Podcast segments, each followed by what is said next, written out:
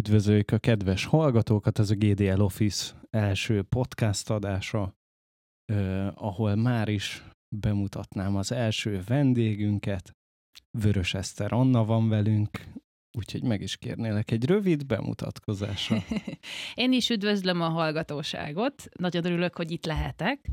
Öm, hát, gödöllői autodidakta festő vagyok, bár ezt nem szoktam hozzátenni, de azért fontosnak tartom kiemelni, hogy nem végeztem művészeti sulit, de ettől függetlenül nagyon nagy lelkesedéssel, és immár ötödik éve, sőt már hatodik éve főállásomként festek, illetve egy kis galériát is vezetek, de erre majd úgyis gondolom a későbbiekben kitérünk. Öm, rólam gyakorlatilag dióhéjban annyit kell tudni, ha már itt a GDL Office és Gödöllői podcast sorozat nyitó vendége vagyok, ami nagyon megtisztelő, köszönöm szépen, hogy két éves korom óta Gödöllőn élek, itt végeztem el a gimnáziumot, és egyetemet Pesten végeztem, de bejárós voltam, úgyhogy mindig is, mindig is itt éltem, és nagyon szeretek is itt élni. Úgyhogy bízom benne, hogy sok érdekes kérdést fogunk megvitatni én azért gyorsan rátérnék még arra, hogy uh,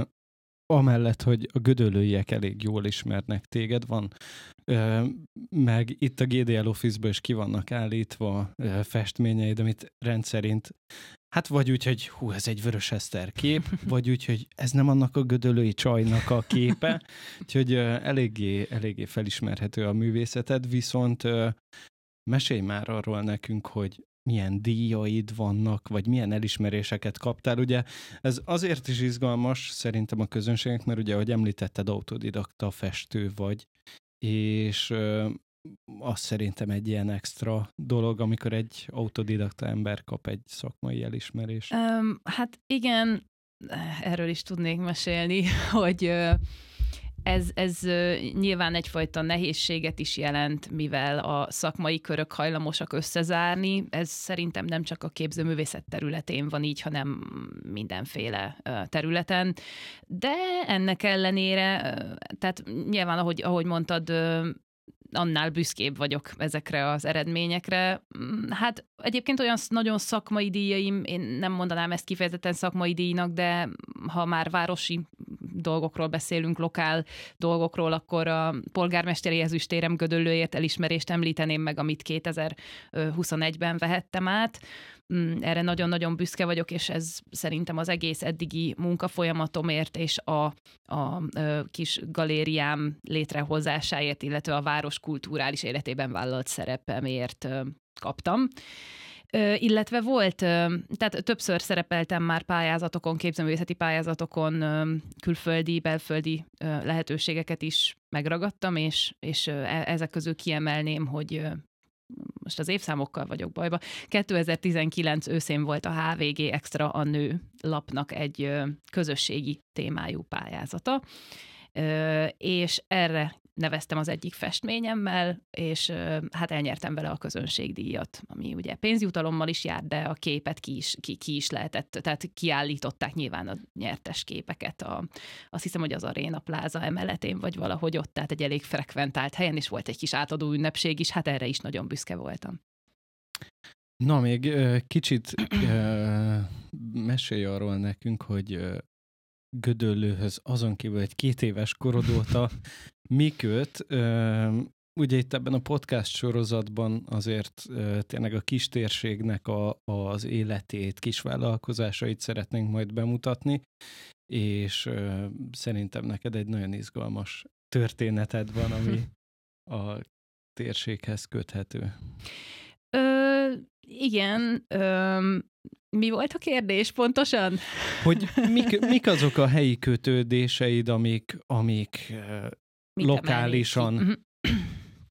Hát nagyon sok minden igazából, hogyha az elmúlt Ugye a tevékenységemnek most volt januárban 9 éves évfordulója. Ez, ez nem a bázis, tehát a fizikai bázis a galéria megnyitásától számolva, hanem hanem onnan számolva, hogy az első rajzomat elkészítettem, ezt ugye 14 januárjára tehető, most ugye 23-at írunk, így ez 9 éves, ez már egy lassan, úristen, egy évtizedes folyamat, és hát Gödölőnek mindig is, mint az otthonomnak, mint egy ilyen biztos bázisnak kiemelt szerepe volt ebben a művészeti folyamatban is. Például kiemelném, hogy háromszor voltam kiállítója a Művészetek Házának, a konferenciateremben találkozhattak a képeimmel a, a látogatók, és képzeld, a mai napig van, aki ezt fölhozza, hogyha galériába bejönnek hozzám, akkor vagy rácsodálkoznak, hogy na hát nem a te képeid voltak a, nem tudom, a Művészetek Házában kiállító ekkor, meg ekkor, vagy, vagy egészen tudatosan jönnek be, és mondták, hogy na, voltam ezen a kiállításodon a múzeában, úgyhogy, úgyhogy Úgyhogy a városon belül a muzát emelném ki egy ilyen nagyon sokáig második otthonomként tekintettem rá, aztán kicsit hátrébb rangsorolódott, mikor meg lett a galériám, azóta az a második otthonom. Úgyhogy nagyon-nagyon kedves emlékek, és, és egyébként ezek az intézmények, egyébként az első gödölői kiállításon, bocsánat, hogyha csapongok kicsit a Városi Könyvtárban volt, de utána háromszor volt alkalmam ilyen több éves, tehát két-két év volt köztük a Művészetek Házában szerepelni, illetve egy időben én színjátszottam is a Művészetek Házában, úgyhogy, úgyhogy nagyon-nagyon sok kedves emlék köt oda, és, és tényleg az, hogy ugye Gödöllőnek a varázsa, hogy egészen kiskoromtól jártam ezekre a rendezvényekre, ezekre a kulturális helyszínekre, így még a, azt megelőzően is nagyon sok emlékem van ezekről a helyszínekről és programokról, hogy én magam elkezdtem kulturális szereplőként ténykedni. Úgyhogy talán ezt tudom így első körben mondani. Na most hallottuk a lokált, viszont van egy ö, olyan jelenléted, ami mellett szerintem nem lehet elmenni, ha valaki beírja a nevedet a Google-be, mm. és mondjuk kidobja valamelyik ö, social media oldaladat, akkor, akkor szerintem akkor általában a második sok, hogy Jézusom, mennyien követik ezt a csajt. Erről tudsz mesélni? Csak röviden, aztán majd úgyis lesz kérdés arról, hogy közösségépítés, de, de itt azért nagyon komoly jelenlétről beszélhetünk. Hát köszönöm szépen. Igen, ez egy több éves munka van ebben is, és idő, energia, anyagiak is vannak benne, hogy a közösségi médián ilyen aktív tudok lenni, és egy több ezres, több tízezres követőtáborról beszélünk most már, és ahogy említetted is, nem csak belföldi követőim vannak, amire pláne büszke vagyok. Készített a van, van, van egy felületem, ahol a külföldi követőim számára ö, tudok ö, el is adni dolgokat, és ez a, ez a website készít egy statisztikát arról, hogy mondjuk a tavalyi évben hány országba jutottak ki munkáim, és valami 16 országot kilistázott.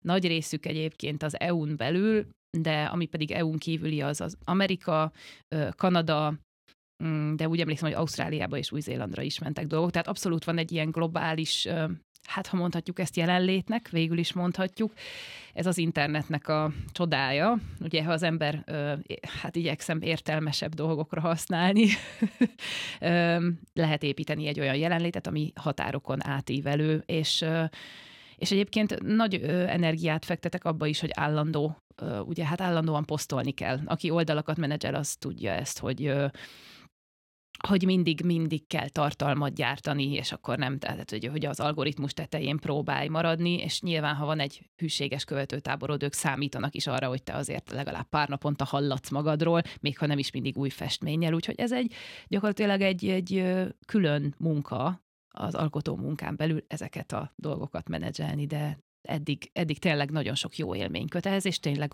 határokat tudok vele átívelni, ami nagyon-nagyon jó érzés. Igen, csak egy kicsit számokat is említsünk. Van egy lokális oldalad, amin 8000 körüli követőd van, Igen. ez a Facebookon van. Van egy brand oldalad, ahol 40 ezeren Igen. követnek, 21 néhány ezeren Instagramon, szóval itt, itt tényleg komoly számokról beszélünk. Én, mint marketinges szakember nagyon jól tudom, hogy milyen kemény munka van egy ilyen oldal összeállítása ö, ö, mögött. Igen. vagy kemény pénz, hogyha a te esetedben látszik a munka melletted. De, Köszönöm. De ezt meg lehet vásárolni különböző országban. Indiai követőket is lehet vásárolni nagy pénzösszegért. Na, kanyarodjunk rá egy kicsit, eh, kicsit eh, szakmai témára, és most nem a marketinges szakmaira, hanem eh, arra lennék kíváncsi, amit szerintem én hallgattam veled már egy pár interjút, viszont mindig arra van szó, hogy hú, mi, mi, mi az inspiráció, nem tudom, ezért van egy jellegzetes képi világod, amire szerintem most nem térünk ki annyira, viszont ami nagyon érdekes lehet szerintem nekünk, meg a hallgatóinknak is, hogy hogy néz ki az alkotói folyamat, onnantól kezdve, hogy jön egy ötlet, uh-huh. az megvalósítod, és azt általában értékesíted is. Ez egy izgalmas kaland. Mm, igen, hát kicsit furcsa vagyok ilyen szempontból, mert nagyon sok eredeti festményemhez kötőd, kötődöm, tehát van, amitől kifejezetten nehéz megválni, sőt, elég sok van, hát sajnos, szerencsére, amitől nem is nagyon szeretnék, tehát kaptam mondjuk, van olyan kép, amire kaptam ajánlatot, de nem, nem eladó, nem, és akkor ugye abból, ez is egy érdekes kérdés, hogyha nem az eredetit Na jó, tehát a kérdés elejét, hogy megfogjam, mert így elszaladtam kicsit. Hol jön az ötlet? Um, az, az ihlet az teljesen megmagyarázhatatlan módon csak úgy jön, egyszer hirtelen, és hát nagyon ritkán szoktam egyébként előtte vázlatot készíteni. Nyilván, ha jön valami olyan ötlet, amiről érzem, hogy ezt most papírra kell vetni, akkor valami lefirkálom, csak hogy, csak hogy meglegyen, meglegyen maga a kis koncepció. De általában egyből papírra, vagy inkább vászonra dolgozom, tehát vászonra vetem, és, és akkor utána hát együltében meg szoktam őket festeni, tehát itt, itt olyan szempontból nem tudok egy részlet, tehát hosszas alkotó folyamatról beszámolni, hogy én nem napokig festem őket, hanem néhány óra, hát nagyságtól függően, mondjuk volt, amit ilyen hat óráig, nyilván fölálltam közben mosdóba kimenni, megmozgatni magam, stb., de, de általában együltében meg szoktam őket csinálni, és akkor a kérdés második fele, hogy ugye ugye én a social médiát, közösségi médiát használom arra, hogy ami elkészült munka, azt egyrészt a saját oldalaimra is kiteszem, másrészt pedig tagja vagyok, például Facebookon vannak ilyen külföldi művészeti csoportok festőknek, és, nem, és itt, itt, itt nem erre a szűk szakmai rétegre kell gondolni, hanem mindenki, aki akár autodidakta módon alkot, megoszthatja az alkotásait, stb. És itt nagyon sokan keresnek tehát nagyon sokan mondjuk vásárolnának is, ha úgy van, meg lehet osztani a linkeket például, mondjuk ha van webshop linked, vagy olyan oldalad, ahol ilyen, ilyen értékesítés zajlik, és gyakorlatilag ez egy állandó munka, hogy be, berakni azokba a csoportokba az új munkát, kis leírással, információval, és van, hogy rád is írnak és kérdezik, hogy amúgy stb. hol lehet megvenni. És még csak annyit szeretnék hozzá fűzni, hogy ha az eredetit nem adom el, akkor viszont fontosnak tartom, hogy legyenek belőle mondjuk printek, dedikált printek. Tehát a külföldön ennek nagyobb hagyománya van szerintem, mint belföldön, hogy külföldön az eredetiket ritkábban adják el, vagy ilyen nagyon csillagászati összegért. Még akkor is, hogyha nem egy ilyen fölhájpolt szakmai zsűri által öm, hát nem mondom, hogy túlárazott, érted, nem egy ennyire felhájpolt alkotóról van szó, hanem egy autodidakta alkotóról tényleg értéke van az eredeti festménynek, és ugye egyetlen egy van belőle, és szoktak olyan limitált kiadású ö, printeket nyomni belőle, Ilyeneket is értékesítek én is, illetve különböző kiegészítőket, tehát egyfajta, hát nem tudom, ez merchnek hívható, ez kicsit... Premium merchandise, igen. úgyhogy, úgyhogy igen, tehát én is az internetet, a közösségi médiát hasznosítva igyekszem eladásokat is generálni, mert hát muszáj, ez is szempont. És akkor logisztikailag bekerül a uh-huh. keretben a kép egy puki szatyorba, és egy preferált szállító cég eljuttatja. Ö, hát... Vagy mondjuk milyen az arány uh-huh. hogy ugye van egy saját galériád, uh-huh. ahova bemehetnek, és akár válogathatnak az emberek, van egy webshopod, ami ugye egy online uh-huh. galéria. Hát az arány, ö, van, aki hát több a postázós, de ez szerintem abból is adódik, hogy sok nem gödöllői. Tehát, tehát a, van, gödöllőn kívülről is jönnek és meglátogatják a galériát sokan. Tehát nagyon büszke vagyok rá, hogy volt, akik, mint tudom, Pécs mellől fölvonatoztak egy fél napot, hogy, hogy eljöjjenek és meglátogassák, és itt személyesen vásároljanak. Ez mindig nagy büszkeség, de nyilván van, aki ezt nem tudja megtenni, időhiány, család, családja van, olyan körülmény van, hogy nem tudja ezt a kirándulást megtenni, akkor ugye én postázok. És előbb volt egy olyan vevőköröm, aki, akiknek postázással tudtam értékesíteni, mint hogy lett egy fizikai helyem, ami látogatható lett, sőt, tovább megyek, meg sem mertem volna, bele sem mertem volna vágni abba, hogy nekem bolt helységem legyen, hanem lett volna előtte már egy viszonylag kiépült követőbázisom és vevőköröm. Mm. És ezért gondolom, hogy több arányaiban több a postázós, főleg ugye a külföldi eladásokkal. Hát a postázást illetően, hogy futárcég, hát itt ugye bajban vagyok mindig az amerikai eladásaimmal, mert ugye ha futárt nézünk, hogy a GLS az csak Európán belül visz, Így még mindig egyelőre a Magyar Posta az opció, amivel hát nem vagyok maradéktalanul megelégedve, de hát monopól helyzetben vannak, illetve hát Amerikába talán ugye bizonyos futárcégek visznek, de hát csillagászati áron. Igen, igen. Úgyhogy Hát ezt még majd, ezt még majd meglátjuk. Nyilván egyébként a külföldi ö, vevőkörnek, tehát valószínűleg rászánnák azt az összeget arra, hogy mondjuk egy UPS-szel, vagy FedEx-szel, vagy nem tudom, hogy mi visz oda, azzal küldjem ki. Én egyelőre elsőbségi ajánlott csomagként, vagy nem tudom, hogy két kilói levélként is elmegy. Úgyhogy én így szoktam. Belföldre pedig, ha tehetem, akkor most már én Fox posztolok. Most uh-huh. ez itt a reklám helye. Nem szponzorált uh-huh. tartalom. Én elégedett vagyok vele. Sokszor a vevőim kérik egyébként, hogy nem tudnám -e inkább azzal küldeni automatába. Ez szerintem egy tök hasznos információ. Tehát szerintem a hallgatóink között vannak hozzád, vagy hozzánk hasonló kisvállalkozók is, akiknél amúgy nagyon sokat jelent ez a fajta input. Igen. Én, én meg vagyok vele elégedve. Jó, rákanyarodnék egy olyan kérdésre, hogy magaddal együtt hogyan jellemeznéd Gödöllő és környékének a kulturális életét. Itt egy kicsit, ha esetleg össze tudod hasonlítani röviden, akár a fővárossal, akár más országokkal, amiket ismersz. Ez egy, nagyon jó kérdés, ez egy nagyon összetett kérdés.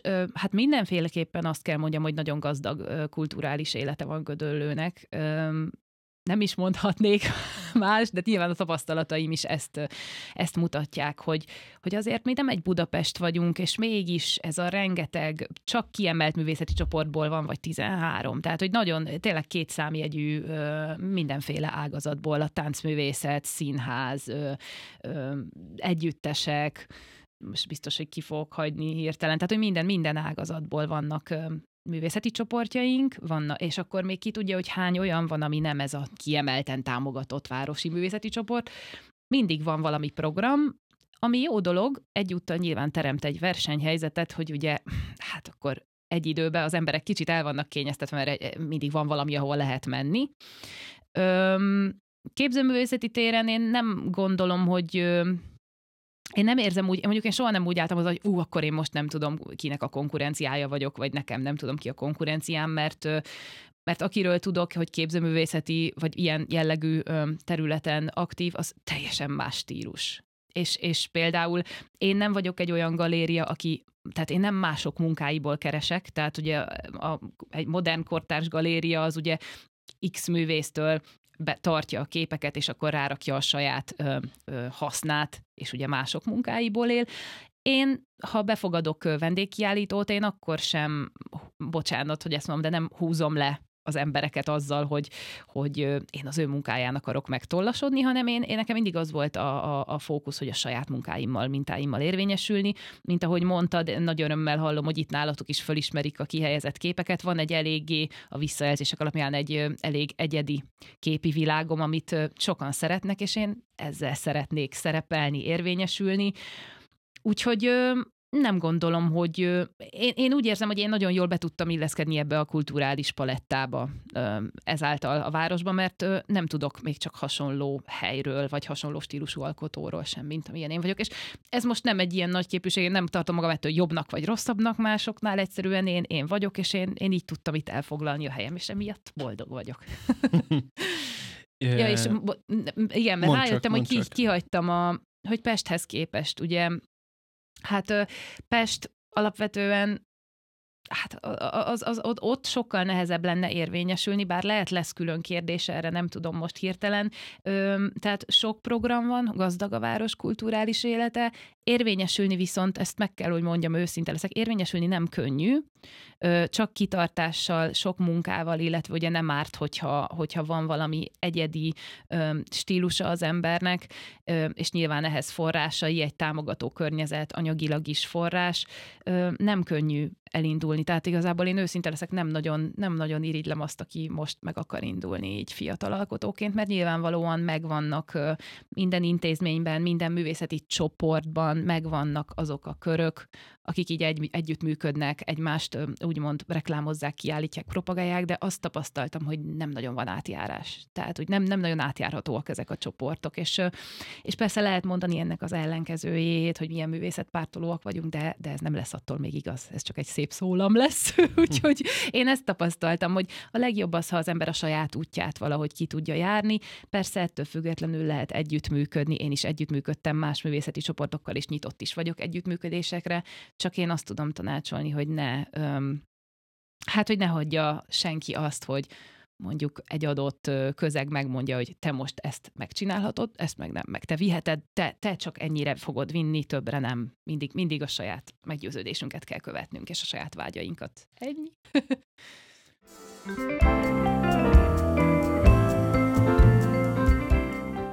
Itt az elején gyorsan felkonferálnám egy olyan rovatunkat, ami az utca hangját közvetíti. Kicsit belebújunk itt a Gödöllő csoportba, és innen szemezgetünk majd minden adásba valamilyen releváns posztot a vendégünkhöz, és találtam is egyet, ami, ami indirekt módon élik hozzád, mindjárt felolvasnám. A téma az a gödöllői piac. Ez a gödöllői piac egy szégyen, olyan lassan, mintha a temetőbe menne az ember, de ott legalább van virág. Itt semmi. Egy almát nem tud venni az ember, ekkora város és nincs piac. Arra kéne vállalkoznunk, hogy hogy tudnánk megoldani ezt a problémát. Mi most innen a podcast stúdióból esetleg bármi javaslattal tudunk élni. Tehát le kell ásnunk a probléma mélyére. Most. És hogy miért vagy, most, miért vagy te az egyik legrelevánsabb ember erre, az, az, az, az, az, az, az, az, az. Azt én mondjam el? Uh, hát a, a földrajzi elhelyezkedés, a, a galériámnak az elhelyezkedése kapcsán feltételezem, ugyanis én ott vagyok a városi piac melletti kézműves alkotóház épületében, úgyhogy feltételezem, hogy ezért esett erre a kommentre a választás. Uh, nagyon...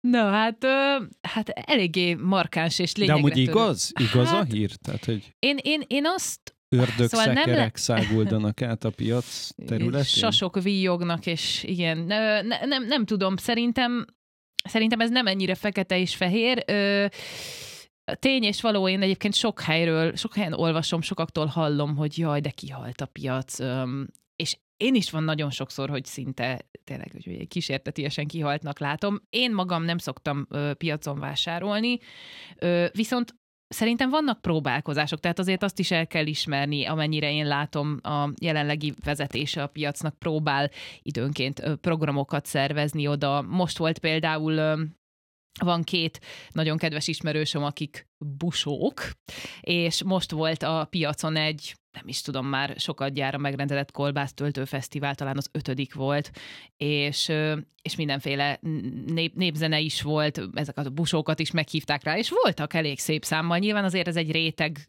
egy bizonyos réteg, akit érdekel egy ilyenfajta verseny, meg hát lehet kolbászokat kóstolni, meg zsűrizni. Tehát szerintem vannak próbálkozások, aztán, hogy általában nyilván ez egy összetettebb kérdés, hogy miért van az, hogy azért pangás szokott lenni én nem szívesen alkotnék úgy véleményt, hogy én nem vagyok azért egy törstag, aki. Tehát nyilván minden nap átmegyek ott, ahogy megyek be a galériámba. Van, hogy többen vannak, van, hogy kevesebben de hát azért itt szerintem több nehezítő tényező is van, ami miatt tehát nem könnyű azt se úgy beindítani. Nem tudom, hogy hányan. E, bele lehetne menni egyébként abba is, hogy a piacra járás, mint olyan hagyomány, mint közösségi esemény, ez mennyire jellemző még a mai öm, társadalomban, vagy melyik korosztályra jellemző, mert azért szerintem inkább az idősebb korosztálynál tartja magát. Nem tudom, ez csak egy vélemény. Én nekem van egy koncepcióm amúgy erre ha már így a kommentelőnek megpróbáljuk a problémát megfejteni. Én a szadai piacon szoktam megfordulni. Ugye Akkor ott létesült az elmúlt években egy ilyen kis községi piac, egy nagyon hmm. szép kis épületbe, és ott rengetegen vannak, ugye az nem mindennapos piac, de rengetegen vannak. Én is, amikor ott vagyok, azért bevallom, hogy azt szoktuk mondani a feleségemmel, hogy nem nagyon költünk semmi luxusra, néha kimegyünk a piacra, mert nagyon egyszerű egy nem teli zacskóra mindenféle ilyen-olyan minőségi termékre elkölteni 40-50 ezer forintot. Igen. Úgyhogy lehet, hogy ez meg is válaszolja a kérdést, hogy egyszerűen nincs meg a Igen. fizetőképes kereslet. Hát, ö, hát a kedves kommentelőnek meg nem tudom, nézzen el Szadára, hát ha ott megtalálja, amit akar. Még esetleg, ami lehet, hogy egyre több az olyan szolgáltató, aki a, a kistermelői dolgokat házhoz szállítja, és Igen. lehet, hogy egyszerűen kényelmesebb úgy. De egyébként most, hogy mondod ezt a termelői piacot, vagy ezt a ökopiac jellegű dolgot, szerintem ez, ez gödöllő. Nekem rémlik, hogy itt is van ilyen kezdeményezés legalábbis, és ez is talán havonta egyszer, vagy, vagy tehát, hogy, hogy ne, nyilván nem napi szinten. Ennek a részleteit tényleg sajnos nem tudom, mert én magam nem járok rá, de, de ismerőstől hallottam, aki viszont szokott járni, sőt, most gondolkodom, hogy igen, tehát, hogy, hogy szokott lenni itt is olyan, olyan piac, de itt is azt hallom nyilván ezeknek a termékeknek, nyilván ezek prémium hazai kistermelői termékek, igen, itt az ár azért, tehát nem mindenki tud szerintem annyit rászánni hogy, hogy innen vásároljon be. De vannak, tehát szerintem biztos van még hol fejlődni, de próbálkozások, kezdeményezések vannak, és végül is ez a lényeg szerintem. Na jó, hát ennyit az utca hangjáról, és akkor kanyarodjunk rá a mi témánkra. Rendben. Van egy saját üzleted itt Gödöllő belvárosában, a varázsbolt. Jól mondom, varázsbolt. Igen, igen. Arról mesélj hogy ez mennyiben változtatta meg a szakmai életedet, akár az alkotásban, akár a marketingben, hogy van egy dedikált helyed, ahonnan produktívan tudsz dolgozni. Nagyon 180 fokban mondhatjuk. Hát egyrészt ugye, hogyha az embernek van egy fizikai... Az amatőrök ilyenkor azt szokták mondani, egy 360 fokban. Ez is igaz. De, ja, de az nem. Nem, az nem igaz. Akkor a 180-nal jól mondtam. Ö, ne zavarj össze. Ö, hát nagyon, nagyon, tényleg abszolút megváltoztatta. Nyilván, hogyha van egy boltod, akkor az egy kötöttséget jelent mert ott kell lenni, mondjuk felügyelni kell, főleg, hogyha nincsen alkalmazottad, és és ez egy nagyon érdekes helyzet, jó is, most, most jut eszembe amúgy, hogy ezt mondani is fogom erre, hogy nálam ez egy elég érdekes helyzet, mert ugye én vagyok a képek alkotója, én vagyok egy személyben a marketingesem, én vagyok a boltnak a vezetője, én vagyok, aki eladok. Én ütöm be a pénztárgépbe, ha valaki vesz valamit. Én vagyok az, aki üdvözlöm a vendégeket, tehát minden én vagyok. És én azt vettem észre, hogy aki eljön ide, tehát, hogyha most én fogadnék egy, egy eladót, akkor hát az emberek nem, nem biztos, hogy előrébb lennék, mert az emberek elsősorban azzal a, az el, hát nem elvárással, elképzeléssel jönnek el ide, hogy velem szeretnének találkozni. Mivel hát én vagyok az alkotó. És ez nekik egy nagyon nagy élmény szokott lenni, hogy eljönnek, és akkor beszélgetünk. Van, akinek nagyobb igénye van a beszélgetésre, és akkor egy pár percnél tovább így ott felejti magát. Van, aki csak így néhány percig, van, aki nagyon meg van szeppenve, van, aki abszolút nincs megszeppenve, és nem érzi a határokat, szóval nagyon sokféle embertípust ismerek meg én is így, viszont hát mindegyiküknek, tehát mindegyikükkel ugye foglalkozom, mint a helynek, a, mint a házigazda, mint az alkotó. Úgyhogy, úgyhogy ez abszolút új élmény volt nekem, hogy nekem van egy fix helyem, amit saját arculatomra tudok berendezni a képeimhez illően is, és hát a, ami, ami még így kiemelendő, hogy én van, hogy befogadok vendégkiállítókat, és hát az meg megint csak egy másik izgalom, hogy házigazdaként ugye én szervezek oda egy kis kiállítást az illetőnek, akkor az hogyan fog elsülni, úgymond, mi lesz a visszhangja, milyen élmény az a vendégkiállítónak, mert sokan első kiállítók nálam például, és tudom, hogy az mennyire fontos. Úgyhogy nagyon, nagyon megváltoztatta, Ö, én, én örülök neki, mert ez mégiscsak egy közösségibb dolog, hogy, hogy ott van egy, nyilván, egy olyan hely, ahol nyilvánosan bejárás van, mint hogy itt home office-ba kicsit remettem módon dolgozzon az ember. Ez biztos a GDL Office kapcsán is öm, szóba jön, hogy hát a közösségi iroda koncepciója gyakorlatilag. És már el is kezdtél uh-huh. válaszolni a következő kérdésemre, mert hogy most egy kicsit beleláthattál a közösségi iroda működésbe itt a hallgatóknak. Meséljük el, hogy egy órácskát itt már eltöltöttél nálunk, meg, Mindent meg megnéztem. belecsöppentél a, a, a közösségi iroda életébe. Szóval szerinted egy mondjuk hozzád hasonló kis vállalkozónak miben tud segíteni egy közösségi iroda?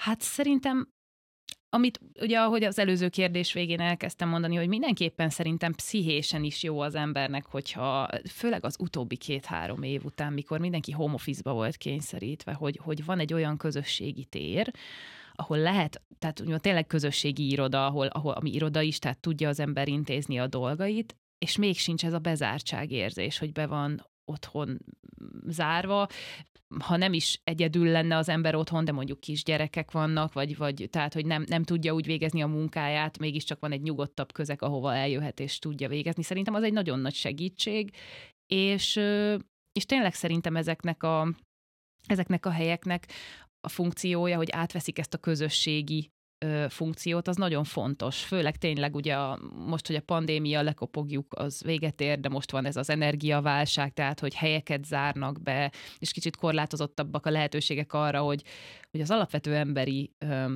kapcsolatteremtés, a, a szocializáció úgy megvalósuljon. Szerintem, szerintem ez egy nagyon érdekes elegye. Gyakorlatilag én sosem dolgoztam ugye közösségi irodában, egyébként nem, lehet, hogy nem ártana, mert nekem ugye a galériám, hát végül is nem mondom, hogy annak vehető, mert hogy én ott szoktam dolgozni, de azért oda meg bejárkálnak. Tehát, hogy például én nem tudok egy nagy festményt úgy megfesteni, hogy hallom, hogy nyitnak be az üzletházba, akár a szomszédboltba bemennek, akár hozzám bejönnek, tehát, hogy az úgy kizökkenti az embert. Úgyhogy, hát ha nem jön senki, akkor végül is olyan, mintha egy kis, kis hát nem közösségről, de egy kis nyilvános nyitott alkotóműhely, de, de mégsem az a műfaj, mint ami itt nálatok van, hogy itt viszont tényleg az van, hogy közösségi, de mégis adottak ezek a nyugis körülmények, nyugis és kultúrált körülmények. Úgyhogy szerintem egy, ebben mindenképpen és hát nyilván itt adott akár egy olyan felszerelés, egy olyan millió, ahol ha mondjuk valakinek videós tartalmakra van szüksége,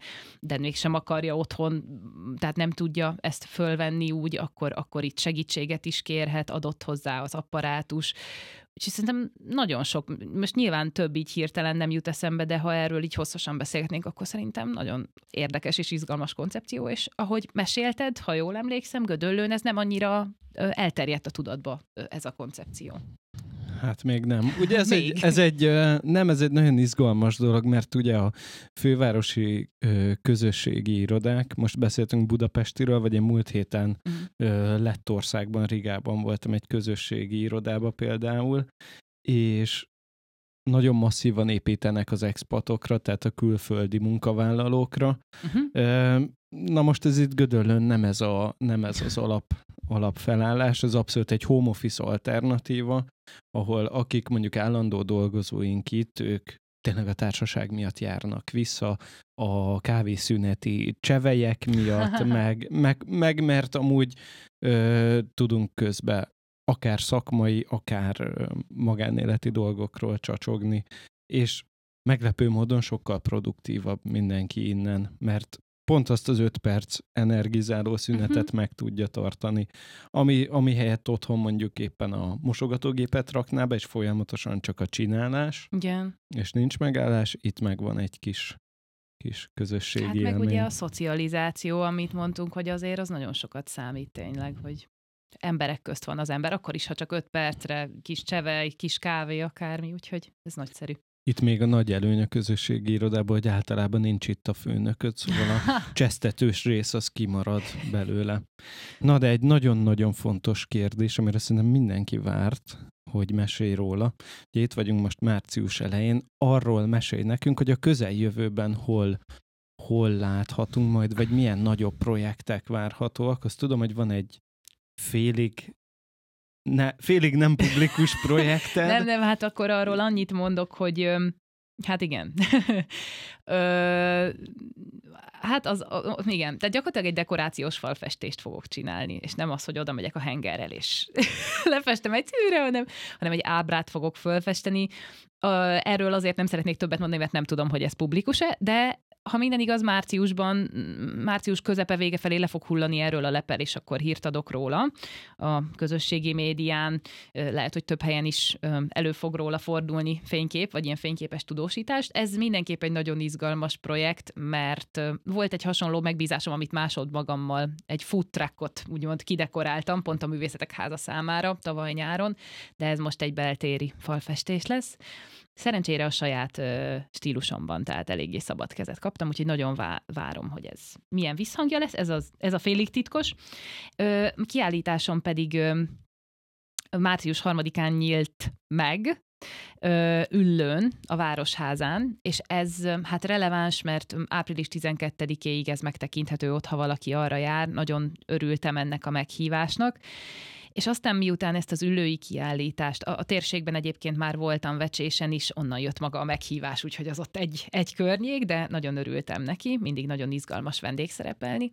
És utána pedig Hát Budapesten leszek, ha minden igaz, Kőbányán a Körösi Kulturális Központban fog májusban, hát ez még kicsit odébb van, de már nem sokkal odébb, májusban fog egy nagyobb kiállításom nyílni, erről is időben hírt fogunk adni, és hát ha még a lokál vonalon pedig nálam folyamatosan lesznek rendezvények, március 17-én érkezik hozzánk egy vendégkiállító, Tóth Anita, kis szürreális, a, a, nem akril, akvarel képekkel, Utána pedig májusban, ha minden igaz, május elején Meyer Artur tájképfestő, az ő neve sok gödöllőinek ismerős lehet, mert ö, több helyen is volt már kiállítás. Úgyhogy jelenleg ezek a tervek, és reméljük, hogy semmi sem szól közbe, és ezeket meg tudom majd valósítani.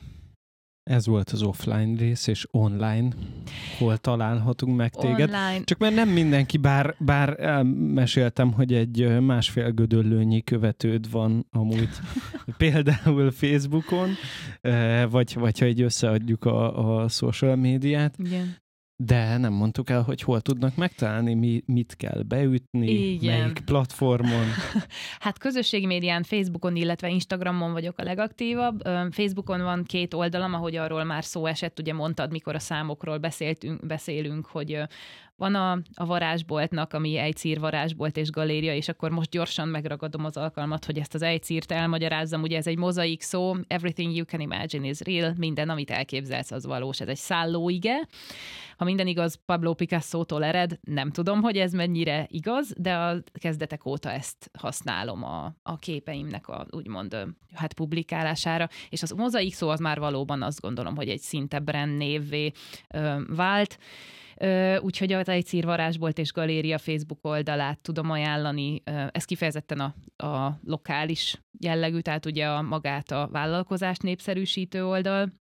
A rajzos oldalon pedig, amint azt már elmondtam, az Everything You Can Imagine is Real, ugye így angolul beírja az ember nagy kezdőbetűkkel. Rólam van profilkép, úgyhogy ha van több oldal, akkor is megkülönböztethető, ott pedig úgy általánosságban, ha van új festmény, kiállítás, stb., akkor ott azokat ott publikálom. Instagramon pedig a csodálatos Ejci írve, E-Y-C-I-I-R-V-E, a V-E, mint Vörös Eszter, a végén, a rövidítés végén, ott pedig ezzel a a névvel vagyok elérhető. TikTokon van, de azt nem adom meg, mert még küzdök vele, tehát hogy így nem annyira lendültem még bele. Jó, ez szerintem abszolút általános probléma, egy sokan, sokan magukra ismernek ebben Az a lehet, sztoriban. lehet. Hogy... Na, vagy csináltok egy TikTokkal kap, TikTok kontentes workshopot, akkor lehet. Tervezünk, workshopot nem azt tervezünk, hogy itt segítünk első TikTokokat lőni, meg, ah. meg content research csinálni, tehát hogy alapvetően azért a TikTok algoritmusa is egy megérthető uh-huh. dolog, az más kérdés, hogy kinek mennyire van kedve Igen. olyan tartalmat csinálni. És ugye az a furcsa, hogy itt ugye sokan rávágják, hogy jaj, ez a trash tartalom kell a TikTokra, de hogy nem, amúgy uh-huh. ilyen nagyon komoly ö, ö, másfél-két óra alatt elkészített tíz másodperces videókról Igen. beszélünk, Igen. Amik, amik már rég nem a trash kategória. Igen. Ö, egy különleges játékra invitálnálak így a vége felé. Cseréljünk szerepet, és azt szeretnénk most megkérni tőle, hogy kérdezz valamit te a közösségi irodával és az itt ö, létesülő közösséggel kapcsolatban, amire kíváncsi vagy. hát most megkérdezni, hogy és mi lesz a podcast sorozat címe, mert hogy én hallottam ilyen vicces alternatívákat. Öm, általánosságban a közösségi irodával kapcsolatban szeretnéd, hogy kérdezek, vagy belefér az, hogy erről a podcastről, és arról is esetleg? Amire vágysz. Jó. Ami érdekel. Ö, egy, hát akkor igazából a podcasttel kapcsolatban is van, e, tehát ezt ugye off-kamera beszéltünk erről, viszont én kíváncsi vagyok, meg szerintem a hallgatók is, hogy ugye én vagyok elvileg a kezdőem, vagy hát nem tudom, hogy én fogok először adásba kerülni, de ugye én voltam az első vendég itt, ami, aminek nagyon örülök. Mik a céljaitok, vannak-e már további meghívott vendégek? Tehát mire lehet számítani ettől a sorozattól? Kicsit elindítom így hátulról a választ. Oké. Okay.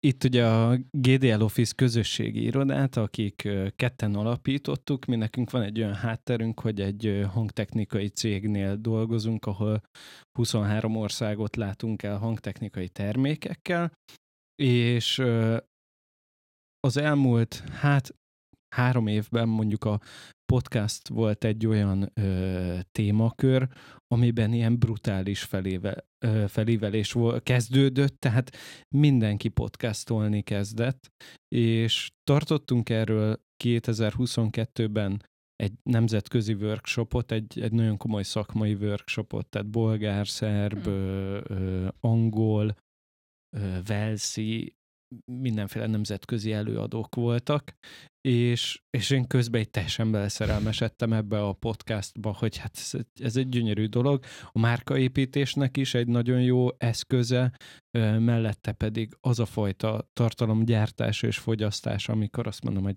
kedves hallgató, itt van 40 percnyi anyag, háborítatlanul most ezt fogod hallgatni, esetleg mosogathatsz mellette, vagy valami, de most ez a hanganyag szól. Hmm. Úgyhogy viszonylag evidens volt, és a világszerte az összes közösségi iroda nagyon hasonlóan gondolkodik, hogy szinte mindenhol megtalálható vagy egy podcast stúdió, vagy egy podcast felvételére alkalmas ö, eszközpark, és, és teljesen természetesen mi is így az volt, hogy ha már hangtechnikával foglalkozunk, van egy, egy 11 néhány év tapasztalatunk ebbe, akkor itt is jó lenne egy ilyen podcast stúdió segítettünk megszületni jó pár podcastnak itt technikailag, és egyre jobban irigykedve néztük, hogy mennyire jó dolog ez a, ez a kicsit ilyen jegyzetelés szinten is, hogy beszélni a dolgainkról, és, és most jött el az a pillanat, hogy hogy, hogy akkor úgy teljenek indítanánk egy saját podcast sorozatot, kicsit bemutatni, hogy mi is ez a közösségi iroda, és akár így a közösség, ami formálódik körülötte, gödöllői kisvállalkozók, vagy térségbeli kisvállalkozók, uh-huh. azok az emberek, akikkel egy kapcsolatba kerültünk, ez egy ilyen nagyon izgalmas ajtót nyitott Abszolút. meg nekünk.